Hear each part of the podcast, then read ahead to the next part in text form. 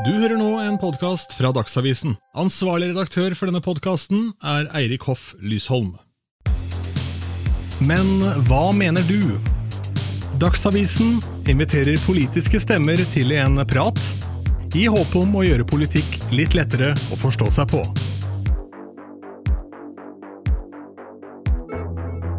Politikk er ganske vanskelig, syns jeg. Men så vet jeg også at det er skikkelig viktig. I Norge så er det lavest valgdeltakelse blant unge, og jeg tror at fordi politikken kan oppleves som litt kjedelig og komplisert, så blir den kanskje også litt for utilgjengelig for uh, unge folk. Jeg tror også at mange sliter litt med å forstå hvorfor eller hvordan politikken angår dem, og meg selv inkludert. Derfor vil jeg lage denne podkasten. For oss som syns at politikk er litt vrien. Målet er å bryte det ned og trolig gjøre det litt enklere å forstå.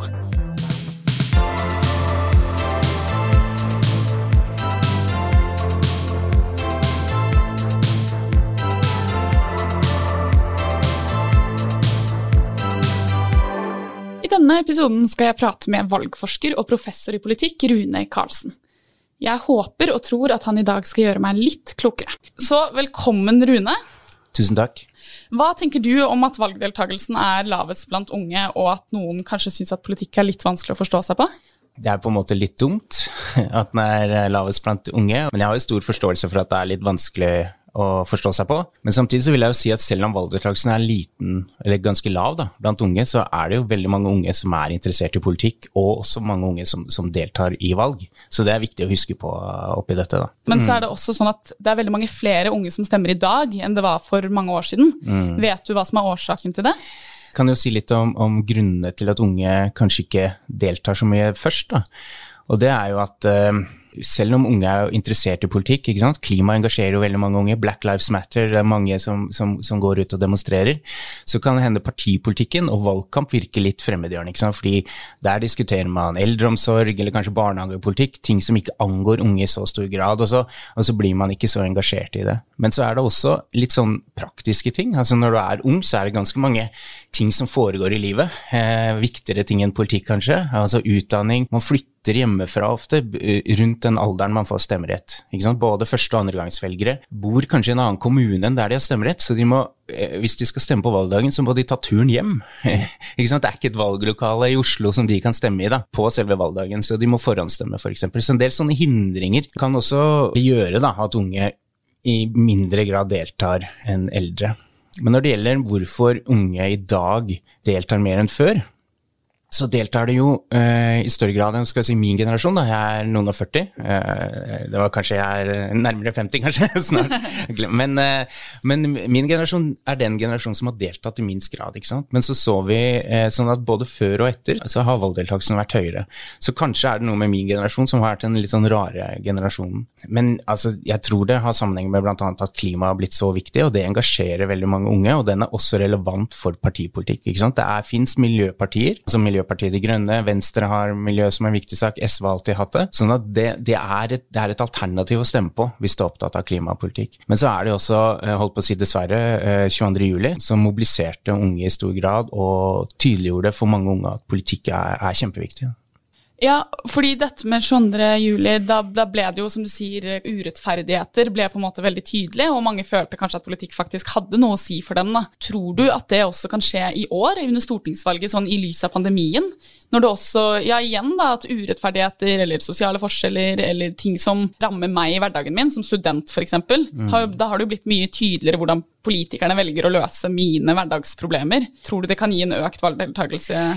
Ja, altså det kan nok kanskje føre til det, eh, men samtidig så En ting er den, en slags frustrasjon eller urettferdighet som man opplever, men eh, er det et politisk alternativ som på en måte, som du føler målbærer den frustrasjonen? Eh, og hvis det ikke er det, så kanskje man heller sitte hjemme, da. Så akkurat hvordan pandemien kommer til å slå ut på valgdeltakelsen, syns jeg er litt vanskelig å spå, hvis jeg kan bruke det uttrykket, eller å, å forutsi, da. Men det er absolutt noe som det blir spennende å se hva, hva som skjer med valgdeltakelsen.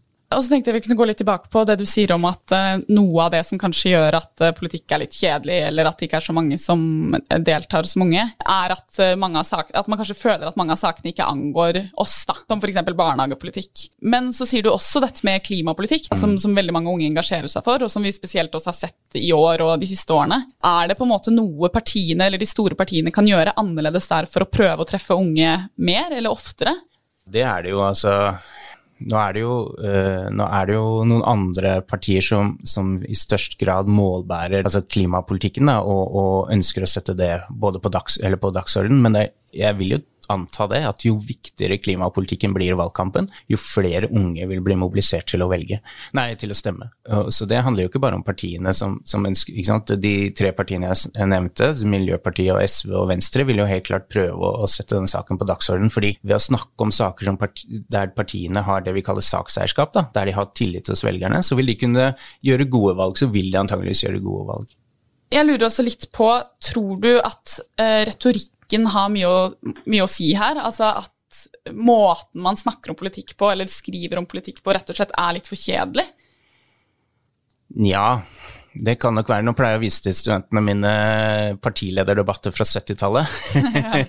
så da kan man snakke om kjedelig politikk, og da var jo valgdeltakelsen høyere blant unge. Men det kan nok kanskje framstå sånn for mange, men det, det, er stadig forsøk på å gjøre politikken, altså innpakningen, mer spennende. Eh, at NRK prøver ulike typer debattformater og litt sånn nesten det vi kan kalle amerikanifisering, med at eh, partilederne står og, og nesten sånn det som ikke er så vanlig i Norge, men med sånne folkemøter møter der politikerne går rundt i rommet og snakker med velgerne og ser dem i øynene og sånt noe. Jeg tror nok at det er litt nødvendig, fordi vi er vant til den type at ting skjer så raskt i dagens mediesamfunn. sånn at hvis ikke politikken henger med på det, så, så, så kan det hende at det blir enda kjedeligere for unge. Men det er klart, hvis det går for langt, så vil det kunne, kunne framstå som, eh, ja, for mangel på et bedre uttrykk, litt teit, da. Eh, og, det, og kanskje ikke engasjere, men mer gjøre unge flaue. ikke sant? Så det er en balansegang der, tror jeg. Jeg vil nok mer tenke at det er innholdet i politikken som engasjerer unge, da, mer enn selve retorikken. Men det er klart det kan bli for kjedelig i media og liksom i omtaler omtale generelt da, om politikere og de ulike partiene,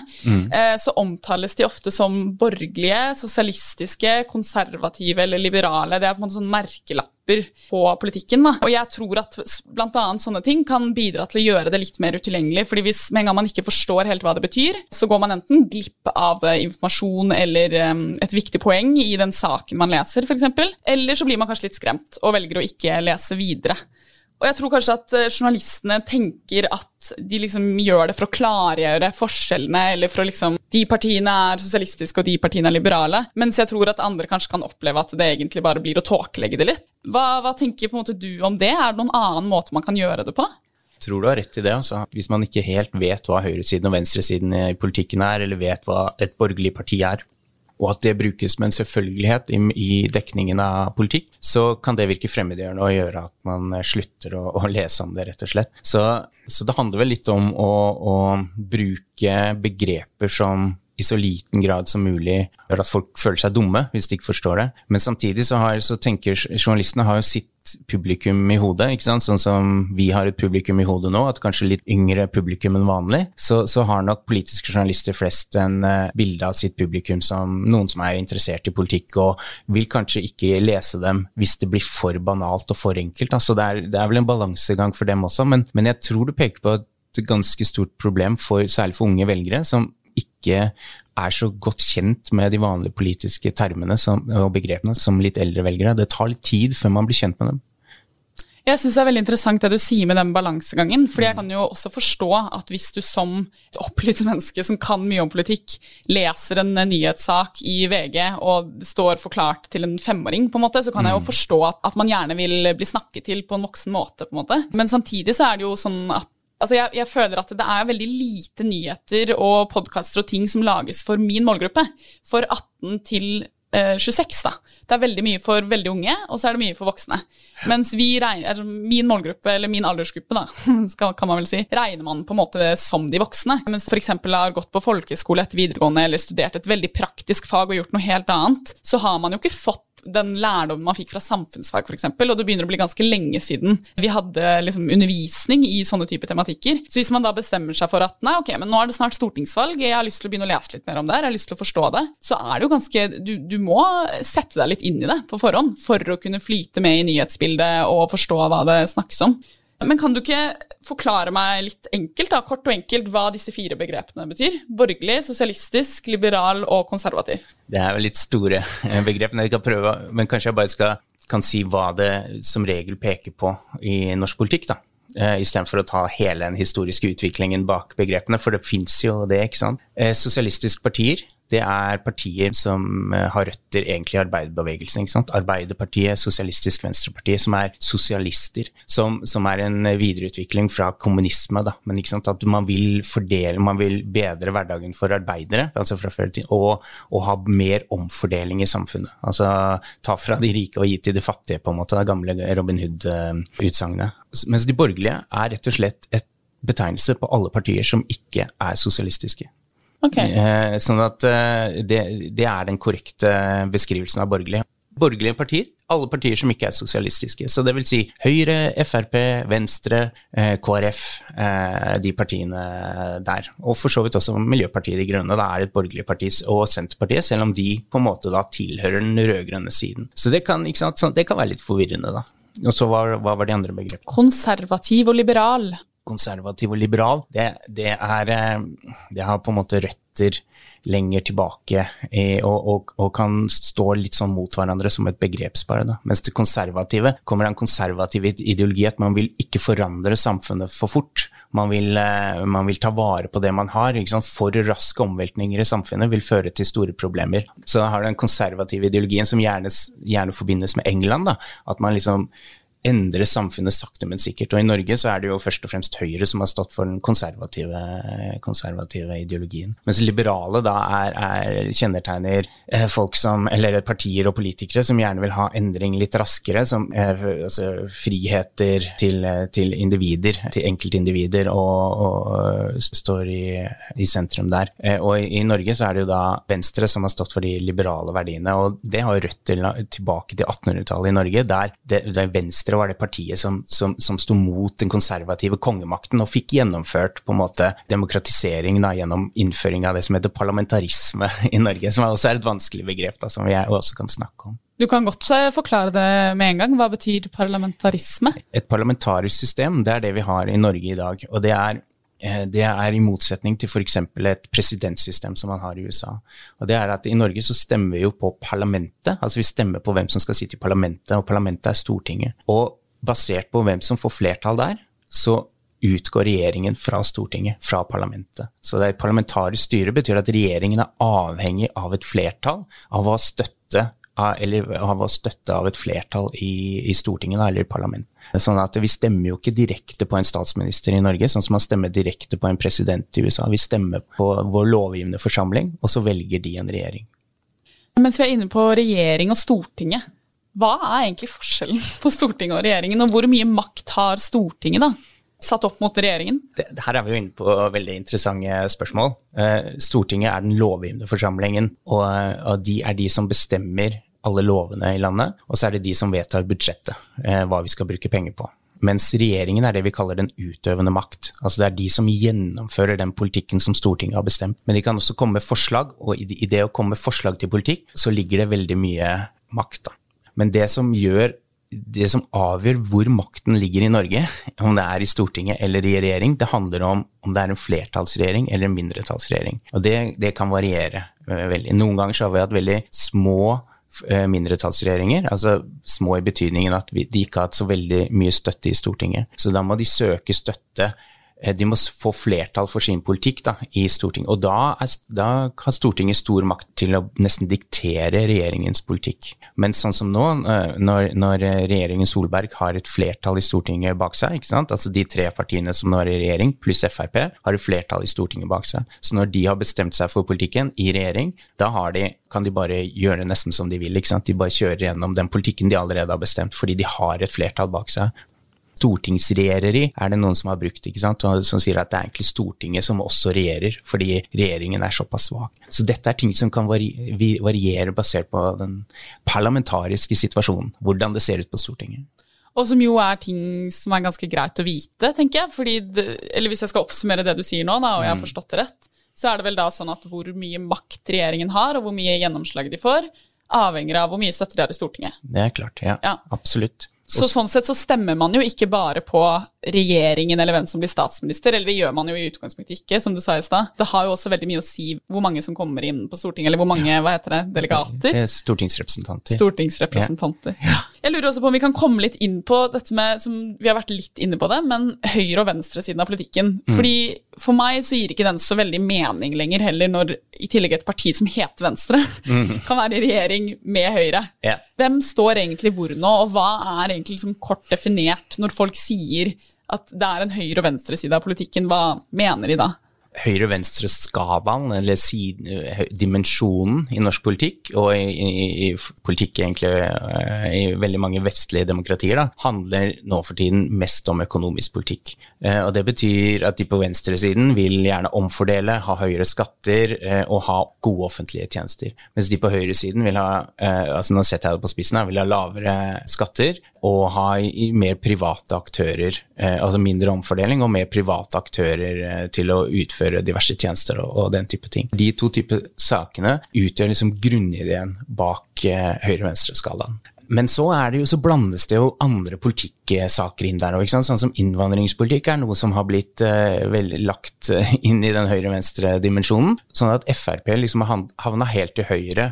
Tenker jo gjerne på det som, veldig, uh, som det mest ekstreme høyrepartiet. Ikke, ikke, at det er så veldig ekstremt, men altså lengst til høyre. Mens, mens de vil jo ha mer omfordeling, for eksempel. Eh, de vil ha lavere skatter, absolutt, men de, på velferdspolitikk så, så, ligger de mer mot sentrum enn en Høyre, i hvert fall Høyres velgere. Eh, så, så, så, det blandes inn andre dimensjoner også, og det, det, gjør det litt vanskelig. Og det at Venstre heter Venstre, selv om det i Norge er et sentrumsparti, det er pga. at de kom inn i politikken eh, før arbeiderbevegelsen ble en del av politikken. Før de sosialistiske partiene jeg snakket om ble en del av politikken. sånn at da var det de liberale som vi snakket om, og de konservative. Og de liberale, hvis jeg husker rett nå, så har det sammenheng på hvor man satt i parlamentet parlamentet i Frankrike. De, de liberale satt til venstre, og, og, de konservative satt til høyre. Og så fikk du liksom Venstrepartiet og Høyrepartiet, da. Og da, da, tok de norske partiene de to navnene eh, som, som, ble påvirket eh, fra utlandet. Men så kom jo de sosialistiske partiene, og de var åpenbart mer De ville ha mer omfordeling, de ville liksom mer rettigheter til arbeidere, mer, og, ikke, og, også flere, mer stemmerett til arbeidere. At du ikke trengte eiendom og sånt for, for å få stemmerett. sånn at de var jo mer hva skal vi si, radikale, så da ble de på en måte lagt på ved siden av Venstre, til venstre for Venstre. Så derfor så har vi et parti som heter Venstre i sentrum av norsk politikk. Mens det er mer forvirrende i Danmark, der har de et parti som heter Venstre, som er det konservative høyrepartiet. Så, er, okay. så, så, så, sånne gamle navn som henger igjen, kan, kan være ganske forvirrende, altså. Ja, fordi det kan jo virkelig være forvirrende. Men så det du sier nå, er da at da politikken begynte, på en måte, mm. så var Venstre en slags motpol til Høyre. Ja. Eh, men så det, ble det dannet nye partier som var enda mer sosialistiske. Ja, eller radikale, da. Ja, de var sosialistiske. Mm. Enn Venstre, og da, så nå er det bare et navn. Ja. Det representerer egentlig ikke politikken deres. Nei, bare, nei ikke, ikke Venstre sånn som vi tenker på det i dag, mm. eh, som, som sosialistisk. Sånn at Høyre-venstre-dimensjon er jo et hjelpemiddel. Det er, slags, eh, det er, et slags bilde som hjelper oss i å plassere partier eh, i et litt sånn uh, uoversiktlig eh, politisk rom. Og så, vi, så, legger vi alt inn på én strek, én dimensjon, og så sier vi disse partiene er, er, er, til venstre, og disse partiene er til høyre. Men norsk politikk, da, hvis jeg kan, hvis jeg kan komplisere ting litt, hvis det er greit, du kan prøve. så, så er norsk politikk er jo flerdimensjonal. Det er ikke bare en høyre-venstre-politikk i Norge. Det er sånn mens økonomisk politikk så er det litt sånn som jeg sa. Høyre er mest uh, for lavere skatter, mens uh, SV og Rødt er mest for uh, høye skatter. Men så har du andre, andre dimensjoner, som, som sentrum-periferi. At distriktene skal ha, få det bedre, og man skal føre en politikk som gjør at folk vil bo i alle deler av landet og sånt noe. Der er det Senterpartiet som er de mest ekstreme, de som ligger til venstre, kan vi si. Mens Høyre fortsatt er det som er mest sen sentrumsorientert. Da. Og så har du andre ting, som religion f.eks der du har KrF som definerer de mest konservative der, sånn at Hvis religion hadde vært den viktigste dimensjonen i norsk politikk, og da hadde den kanskje definert høyre-venstre-skalaen, da ville vi tenkt på som KrF som det mest høyreorienterte partiet. Kan man på en måte si at alle partier er høyreorienterte på sin sak? At liksom, eh, at alle partier har en sak som de er mest ekstrem på i forhold til de andre partiene? Det stemmer, og det er, det, det er den saken som nesten definerer partiet. Altså, det er en grunn til at det finnes partier, og det er fordi det er motsetninger i samfunnet vårt. Det er no, det er, det er, folk har ulike interesser. Sånn som arbeiderbevegelsen hadde helt klart ulike interesser enn de som eide bedriftene de jobbet i. Derfor så danna arbeiderne et eget parti, Arbeiderpartiet, mens eh, de eiernes interesser ble kanalisert inn i Høyre og, og uh, i, i Høyrepartiet. Så, så har du de to motsetningene som fortsatt lever den dag i dag, da, mellom arbeidere på den ene siden og arbeiderne, eller de, de som eier kapitalen, da, kan vi si, på den andre siden. Men det er jo ikke så enkelt i dag. Før i tida holdt jeg på å si, så var det sånn at var du arbeider, så stemte du opp på Arbeiderpartiet. Det var nesten, Valgforskningen var ikke vanskeligere enn det, mens nå er det mye mer sosial mobilitet, og folk har ulike identiteter, kommer fra et sted, har, eh, har kommet seg et annet sted i livet. ikke sant? Og det er mye vanskeligere å, å se den sammenhengen mellom bakgrunn og stemmegivning enn det en gang var. da. Vi går over til eh, noe litt annet. Jeg tenker på denne sperregrensen. Kan du mm. forklare meg den? Ja, det kan jeg. det, eh, det, norske valgsystemet er jo et valgsystem som består av eh, egentlig ganske mange valg. I hvert fylke, eller hvert de gamle fylkene, da, så er det ett valg. Eh, og så har, sånn som i Norge, er jo nei, hva jeg Oslo er et stort eh, fylke. Så der er det 19 eller 20 mandater å fordele. Men i man, ganske mange, sånn som Finnmark, eh, Agder-fylkene, så er det ganske få mandater. Hva betyr mandater, egentlig? Mandater er egentlig stortingsrepresentanter. Men poenget er at når du har alle disse valgene, og det, grunnen til at vi har det i disse fylkene, er at det skal være en kobling mellom eh, lokalsamfunn og stortingsrepresentanter. De skal føle at de representerer også ulike deler av landet. For vi kunne jo bare hatt ett stort valg. At Norge hadde vært en valgkrets. ikke sant? Da kunne vi fått nesten perfekt sammenheng mellom antallet avgitte stemmer og representasjon på, på Stortinget. ikke sant? Sånn at Hvis Arbeiderpartiet hadde fått 30% av stemmene, så hadde de også fått 30% av stortingsrepresentantene. Men sånn er det ikke når man tar og, og lager mange små valg istedenfor. Når vi har 19 valg istedenfor, for det er det vi egentlig har. Så det som skjer da, er at de små partiene de mister veldig mange stemmer i, i, hver, i hvert eneste fylke. I hver eneste valgkrets. Så mister de stemmer. Fordi det er ikke nok mandater til at de kan få. Og det betyr at de store partiene de blir mye større, mens de små partiene blir mye mindre. Det er 150 mandater som fordeles i de ulike fylkene, de gamle fylkene. Og så er det da 19 mandater som fordeles basert eh, på de partiene som får over 4% av stemmene. Hvorfor 19? Er det fordi det var 19 fylker før? Ja, og det er 19 valgkretser fortsatt. da. Eh, sånn at alle valgkretsene har ett utjevningsmandat. Da tar man alle stemmene som er til overs, de som ikke er brukt til å fordele mandater. Eh, så tar man de, og så slår man sammen Norge til en valgkrets. Og de partiene da som har den største andelen av ubrukte stemmer, de får da nye, de får da flere mandater. Da. Så det er en måte å utjevne forskjeller på Sånn at vi får mer, bedre samsvar mellom andelen stemmer og andelen representanter på Stortinget. Men hvor går sperregrensen, da? Sperregrensen går på 4% Som vil si at som parti så må du ha i hvert fall 4% stemmer for å komme på Stortinget, eller? Ja. Okay. Nei, ikke for å komme på Stortinget, men for å bli med i kampen om utjevningsmandater.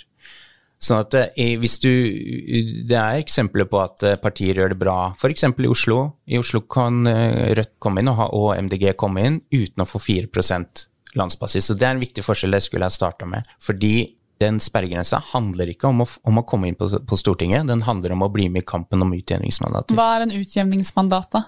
Det er de 19 mandatene som fordeles til de partiene som, som på en måte blir dårlig representert basert på de de lokale, de fylkesvalgene, da, eller de valgene som foregår i et fylke. Men jeg tror bare at, eh, at, jeg har regnet med at jeg forstår hva sperregrensen handler om. fordi kort forklart så handler det vel bare om å gjøre det litt mer rettferdig og jevne det ut litt, på et vis. Yeah. Men så har jeg på en måte aldri fått det helt ordentlig forklart. Nei. Og en annen ting som jeg også da blir litt forvirra over, er at regjeringen som vi har i dag, er jo dannet av det nest største partiet vi har i Norge, nemlig mm. Høyre. Men også Venstre og KrF, som er blant de minste partiene vi har i Norge. Og begge de partiene kom jo eh, ved stortingsvalget i 2017, så kom de akkurat over sperregrensen på 4 mm. Hvordan kan de da likevel komme i regjering? En regjering trenger støtte i Stortinget et flertall i Stortinget bak seg. Og da er det ulike måter å få det flertallet til å gå på. Derfor så, ikke sant, med store partier, Høyre, Arbeiderpartiet på den andre siden, de søker da et flertall i politikken gjennom samarbeid med mindre partier. Og det kan føre til at ganske små partier får, får ganske stor betydning i norsk politikk, kanskje større enn mange mener de bør ha. da. Venstre hadde to stortingsrepresentanter en gang, altså to representanter av 169 på, på Stortinget, men fikk tre ministre eh, i regjering. Og det var jo fordi at de var, de var kjempeviktige for, for, for regjeringen til å få flertall, da, for og dermed få gjennomført sin politikk og, og, også kunne danne regjering. De får et godt forhandlingskort fordi de vet at eh, KrF og Venstre vet at Erna Solberg ikke kan regjere uten dem. Fordi Erna Solberg, eller Høyre, da, trenger de to partiene for å få flertall i Stortinget. Vi har SV, Arbeiderpartiet og Senterpartiet og de Miljøpartiet De Grønne, som ikke er helt som helst ikke vil være en del av en sånn høyre-venstre-skala. Og så har du de, de, andre borgerlige partiene, Høyre, Frp, KrF og Venstre, som samarbeider. Og så, og så er det de to som liksom kjemper om regjeringsmakten, av de to blokkene. Og da er det veldig viktig å komme over den sperregrensa, fordi man kan komme inn på Stortinget uten å komme over sperregrensa. Man kan få gjerne et mandat i Oslo, gjerne et mandat i Bergen, de store fylkene. Men med en gang du kommer over den sperregrensa på 4% og blir med i kampen om utjevningsmandater, så tikker det inn kanskje seks eller fem fem utjevningsmandater, og derfor er det så viktig. Og det kan avgjøre valget, om de kommer over fire, om et parti kommer over eller under 4% men en, en, annen ting jeg ikke helt forstår eh, Jeg har eh, sett litt på liksom valgresultatet fra stortingsvalget i 2017. Og der ser jeg jo at Arbeiderpartiet fikk 27,4% stemmer, mens Høyre fikk 25 Men så er det likevel Erna Solberg som ble statsminister, og Høyre som kom i regjering. Hvordan kan det egentlig skje, når på en måte fasiten da, hvis man kan si det sånn, er at Arbeiderpartiet faktisk fikk flere stemmer? Arbeiderpartiet er det største partiet i Stortinget, men eh, den koalisjonen, altså den gruppa som, eh, som Arbeiderpartiet tilhører, som er da Arbeiderpartiet, eh, Sosialistisk Venstreparti, Senterpartiet, Rødt og Miljøpartiet De Grønne, de fikk ikke flertall på Stortinget. De fikk flest stemmer, ja, men, de, men, de, fikk ikke flertall på Stortinget. I valgordningens oversettelse av stemmer til, til, stortingsrepresentanter, så fikk da den andre siden, Høyre, Frp, Venstre og KrF, de fikk eh, flere stortingsrepresentanter enn venstresiden, eller enn de rød-grønne. Og siden da regjeringen utgår fra den grupperinga som, som, har flertall på Stortinget, så ble da Høyre det partiet som ledet regjering, fordi de leder den gruppa som er størst på Stortinget. Jeg lurer på om vi skal gå over til disse spørsmålene som jeg har fått fra leserne. Mm. Jeg eh, la en Instagram-post og ba unge lesere av Dagsavisen om å sende noen spørsmål om ting de syns er vanskelig å forstå seg på når det gjelder politikken. Det første er hva betyr populisme? Uh, populisme, ja. Eh, det er jo et, eh, det et omstridt begrep. Noen ganger så brukes det jo i, bare om eh, noen som frir til folket. Men det betyr også noe litt mer spesielt enn det. Og det er særlig i sånn faglig sammenheng så, så brukes det om politikere og partier som peker på to grupper og det er den korrupte eliten. At elitene er korrupte, og de, de, de, de er ikke til å stole på. Og så finnes det et folk som er godt. Det er folket på den ene siden og elitene på den andre siden. Og fol folkets vilje er fasit, det er det som må gjennomføres. Men det skjer ikke fordi eliten er korrupt. Og så kommer de populistiske partiene og, eller politikerne og sier men jeg kan gjennomføre folkets vilje. Jeg vet hva folket vil. Så det er en litt sånn karikert eh, versjon av hva populisme er. da. Og da er det de populistiske lederne som setter da disse to gruppene opp mot hverandre. Eh, bare én ting til om populisme, og det er at de ofte også peker på utgrupper. Altså grupper som ikke er en del av folket. Og det er jo veldig ofte da flyktninger, innvandrere, eh, nasjonale minoriteter. Hvorfor eh, er det sånn at populismen å si, bestemmer at de ikke er en del av folket? Nei, altså det, det, det ligger jo eh, Det kaller man sånn eh, hvis, hvis, man Populister som peker på som bruker alle disse tre gruppene, da, appellerer til Eller sier at det er en korrupt elite at det er en utgruppe, som det kalles, som ikke er en del av folket. Det, det kaller man sånn fullstendig populisme. Altså Der har de alle de tre elementene. Men hvis populisme også handler om på en måte tilfredsstille folket, da. Er ikke det egentlig positivt at politikere prioriterer saker som folk bryr seg om? Jo, absolutt. Derfor så er det litt vanskelig å snakke om populisme, syns jeg. Da, fordi ideen i demokrati er jo på en måte populistisk, at det, eh, at det er folket som, som, skal eh, bestemme. Mens vi i dag bruker populisme egentlig eh, først og fremst negativt. Og det handler litt om at det ofte forbindes med politikere som peker på en korrupt elite og mener at et, et, folk som ikke er hele folket, men som er en del av folket, det er folket som de syns tilhører folket, mens de sier at andre utgrupper da ikke er en del av folket. og Derfor så, så er det så mye negativitet knytta til populisme. Vi går videre til neste lesespørsmål. Hvordan blir partiene enige om hvem som skal samarbeide i regjering?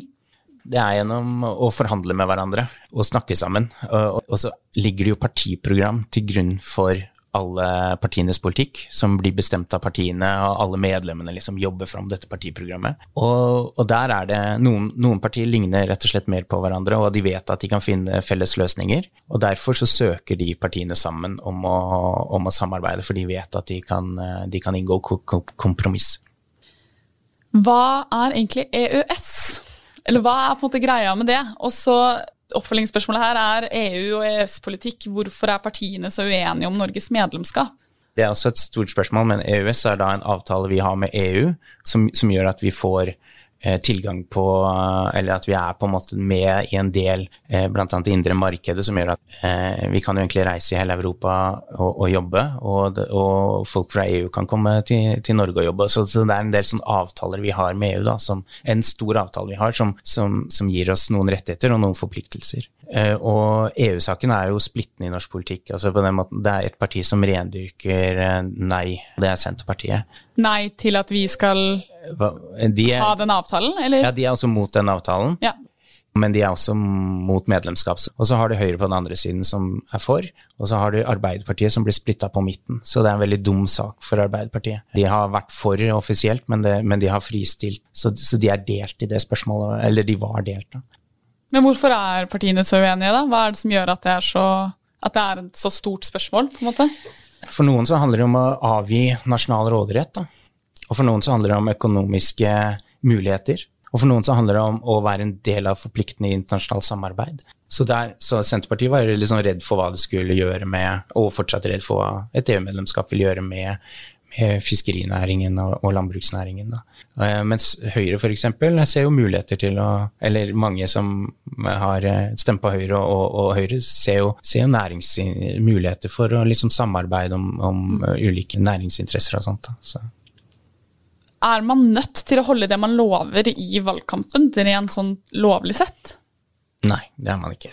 I Norge så er det sånn at eh, partiene formulerer partiprogram, og så sier de vi vil ditt og vi vil datt. ikke sant? Dette vil vi gjennomføre. Eh, og så, men så må denne politikken gjennomføres. Og da er det jo ingen partier som, heldigvis vil jeg si det, er store nok til å få gjennomført akkurat hva de vil. Så de må, de må gå i samarbeid med de andre partiene. Sånn som i dag, så, jo, så får ikke Høyre gjennomført akkurat hva de vil, for de må samarbeide med KrF og Venstre og Frp da blir det jo sånn at de ikke kan få gjennomført alt de ulike partiene har lovt. Da. Eh, men de må velge, så da velger de ofte det som betyr mest for dem. Eh, men det er, ikke noe, det er ikke noe lovligheter rundt det, men det er det valgene skal ta vare på. Fordi hvis de ikke gjør som de sier, hvis partiene ikke gjør som de sier, så er det en sånn grunnleggende mekanisme i demokratiet at vi har valg. Og det er at vi skal ikke bare stemme på de vi tror skal gjøre en god jobb. Hvis vi er misfornøyd med de vi har stemt på, ikke har gjennomført det de har sagt, så, så, er ideen bak demokratiet at da stemmer man på noen andre. Man stemmer dem ut av uh, regjeringskontorene, da, på en måte. Så det, sånn at den sanksjonsmuligheten ikke, ligger ikke i loven, den ligger i uh, hver enkelts velgers stemme. Hva er et statsråd?